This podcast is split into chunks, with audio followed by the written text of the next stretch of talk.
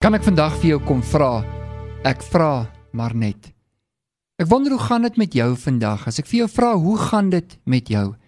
Wat jou antwoord sou wees en waar jy jou antwoord vandaan kry?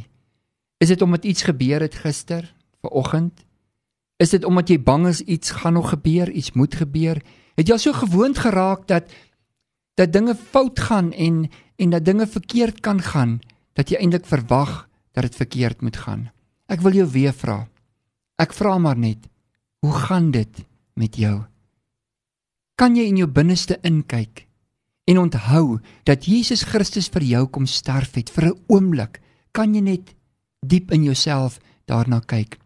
Kan jy vir 'n oomblik net kyk na wat jy het in jou lewe en wie jy is en wat om jou in jou lewe aan die gang is? Kan jy vir 'n oomblik net waag om jou kop by die venster uit te steek, na die son te kyk en te sê, Here, Dankie vir 'n nuwe dag. Dankie vir asem wat ek vandag het. En miskien het jy nie so sterk asem nie.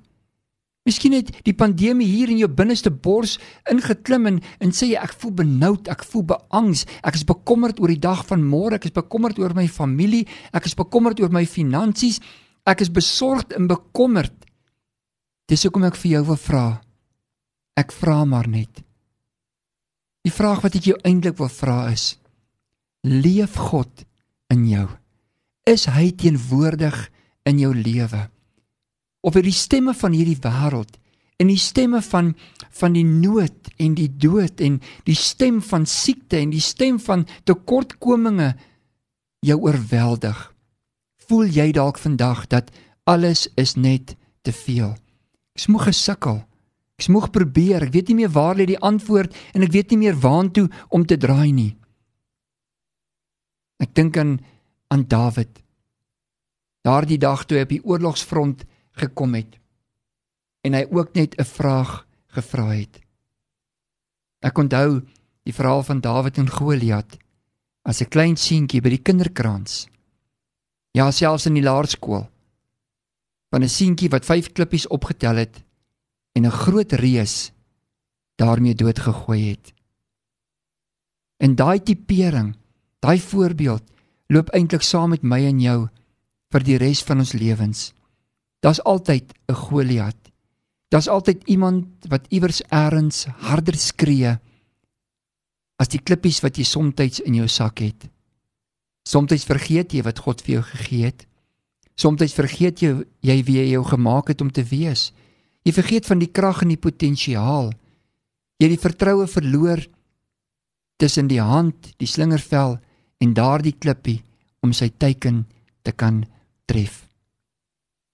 God het 'n baie besondere liefde vir jou. God gee om vir jou. God wil hê dit moet met jou goed gaan. God is vir jou. En ek wil dit vandag kom echo in jou binneste dat ek oor alles wat in hierdie dag oor jou iets mag uitroep, wil ek dit kom uitroep. Die Here jou God is met jou. Jy hoef nie bang te wees nie, jy hoef nie beangste te wees nie. Jy ja, ek weet daar's baie dinge waaroor jy bekommerd kan raak.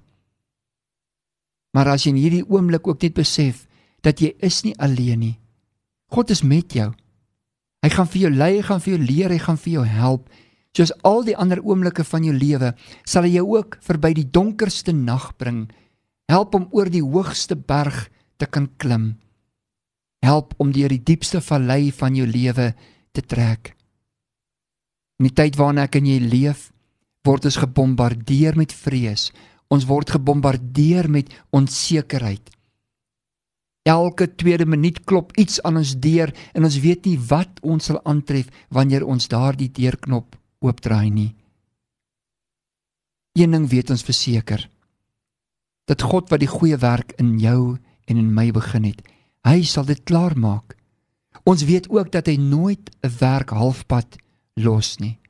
Ons weet ook dat jy 'n woord is wat uit hom uitgegaan het en dat jy nooit na hom toe sal leeg terugkeer nie, maar welbehaaglik sal bereik waartoe God jou in hierdie aarde in voorgestuur het.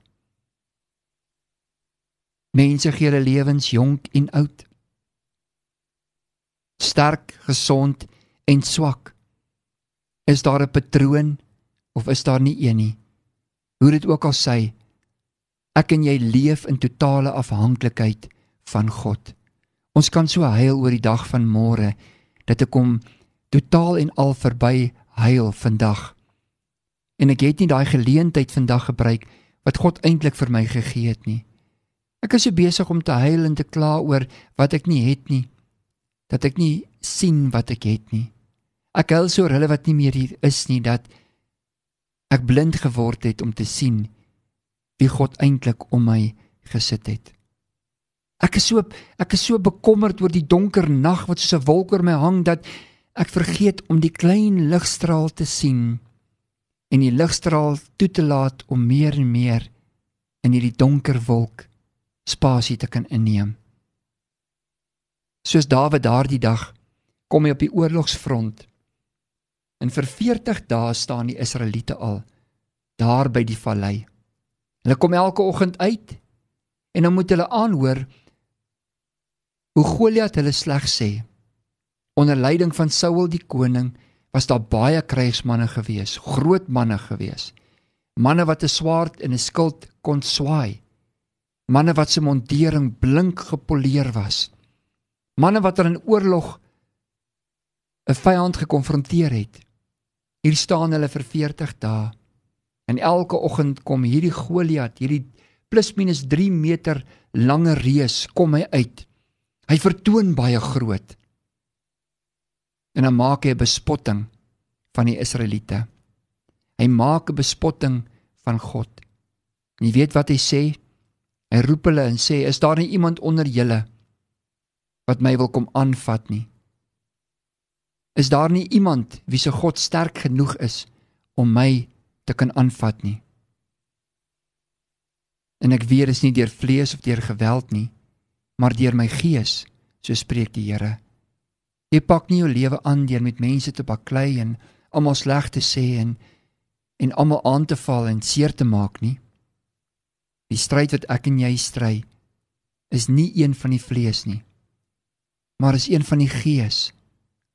En God gee vir my en vir jou die krag van die gees om alles te oorkom in hierdie wêreld en in hierdie lewe. Vir die vraag wat jy vra, is daar 'n antwoord. Toe Dawid op die toneel kom, toe was hy verbaas. Hy was verbaas dat niemand bereid was om uit te stap en te reageer en vir hierdie Goliat kans te sien nie. Hy vra vir hulle: "Maar is daar nie 'n doel hier nie? Wat is die doel dat julle elke oggend afkom en niemand doen niks nie?" gaan julle hierdie Goliat toelaat om elke dag elke dag God te mok? God sleg te sê, sy kinders te verkleineer? En toe Dawid daardie vraag vra, toe raak daar 'n paar mense ongelukkig met hom.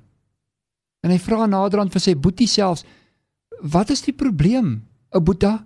Ek vra maar net. Ek vra maar net, gaan niemand opstaan teen hierdie klanke?" van hierdie vyand van ongeloof wat die God van Israel so terg nie, gaan niemand niks sê nie, gaan niemand niks doen nie. En hy vra die vraag weer. Sy boeties blameer hom en sê vir hom, jy wil net 'n bespotting van ons kom maak, jy wil ons net vir kom verkleineer. Maar Dawid het geweet wie God in hom was. En Dawid sê dit ook so.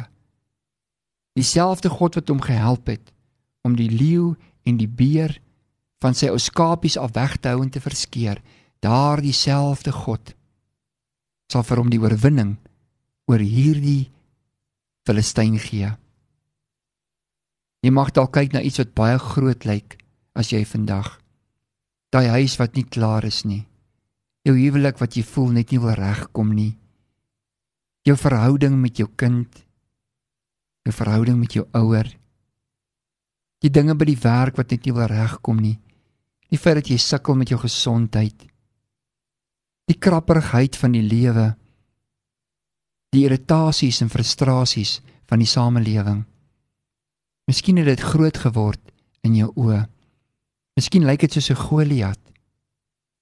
Jy weet Goliat se borsharnas was omtrent so 57 kg alleenlik geweest. Sy spies was so 7 kg swaar gewees en hy het dit vasgehou met daai ses vingers in van hom en um, in sy in sy skoene was daar ses tone aan elke voet gewees.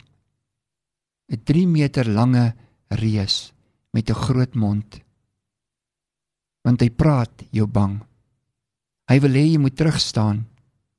Hy wil hê jy moet na sy grootte kyk en oor jou God se grootte twyfel. Hy wil hê jy moet na sy spiere kyk en twyfel oor die krag wat God in jou is. Die God wat in jou is, liewe vriend, liewe vriendin, daardie God wat in jou is, hy sê jy kan met hom 'n bende storm loop. Hy sê jy kan met hom oor 'n muur spring. Hy sê alle dinge is moontlik vir die een wat glo. Hy sê daardie klein mosterdsaadjie wat jy in jou lewe het, plaas dit op die spel. Sit dit net daar op die troef en vertrou God om daardie klein mosterdsaadjie te kan gebruik in jou lewe om groot werke in en deur jou te kan volbring. God is met jou, God is by jou. God is naby jou. En soos wat hy in die krag van daardie klippie was en daardie akkuraatheid van daardie klippie was, so is sy woord vandag in jou. So kan jy sy woord stuur want sy woord bereik sy wil. Sy woord bereik sy doel. En wanneer jy daardie klippie vandag in jou geloofs slingers slingervel kan laai en jy kan momentum kry in hom. Soos die apostel Paulus sê, wek die gawe wat in jou is, wek dit op. Ons is so baie keer iemand anders te vertrou om ons te kom opwek, om my gelukkig te kan kom maak. Maar geluk is iets wat jy aan die binnekant vind in jou verhouding met God. Vrede is iets wat jy aan die binnekant vind saam met God. Dis tyd vir jou om te besluit om gelukkig te wees. Dis tyd vir jou om te besluit om die stemme van die Goliats stil te maak in jou lewe. Dis tyd om jou geloof te aktiveer. Dis tyd in hierdie dag dat jy God sal vertrou vir 'n groot deurbraak en 'n groot oorwinning in jou lewe. In hoofstuk 17 vers 32 van die boek 1 Samuel sê die woord en Dawid het aan Saul gesê: "Laat die manne se moed tog net nie ter wille van hom sink nie. U dienaar sal gaan en teen hierdie Filistyn veg." Dawid sê: Moenie bekommerd wees nie. Laat jou gemoed nie sink nie. Laat jou gemoed jou nie beswyk nie. En hoe groot ook al die uitdaging van jou lewe vandag is, wil ek vir jou sê wat Dawid sê. Laat jou gemoed jou nie beswyk nie. Laat jou geloof jou nie in die steek laat nie. Aktiveer jou geloof. En so Dawid gegaan. Hy Goliat in die oë gestaar. Hy daardie klippie in die velletjie gelaai en toe hy uit sy velletjie uitskiet was daar dinamika daar was krag, daar was resultate. Vandag in jou lewe gaan God se woord jou vooruit. Neem die woord van die Here vandag, somme vroeg vroeg in jou dag. Neem daardie woord as ja en amen. Neem daardie woord en bære hom in jou hart. Moenie bang wees vir wat die liggaam doodmaak, sê Matteus 10 vers 28 nie. Maar maar wees eerder vir hom bang wat beide autoriteit en mag oor siel en liggaam en hel het. Glo in God. Vertrou God. Staan vas jy in die geloof. Wees 'n man en 'n vrou van die geloof vandag. Daar waar jy beweeg, soek die lig, soek die antwoord. Herroep die woord. Noem die woord. Bid die woord en deel die woord in almal se lewe wat jy vandag te doen mee mag hê. Ek wil vir jou saam bid. Vader, dankie dat ek saam met elkeen vandag kan bid vir Suid-Afrika. Dankie vir elkeen wat siek is in 'n hospitaal dat U vandag elkeen sal aanraak. Wat siek in 'n bed lê vandag, Vader, by hulle huis. Dankie vir die krag en die genade. Dankie vir nuwe hoop, Vader. Dankie dat ons weet U is die weg, U is die waarheid, U is die lewe. En ons het gekies om te lewe. Ons het die seën gekies, Vader. Ons het U vooruitgang gekies. Ons kies weer vandag vir Jesus Christus. Ons kies weer vandag die krag van God wat in menslike liggame kom woon het, alles tot sy eer. in Jesus naam. Amen.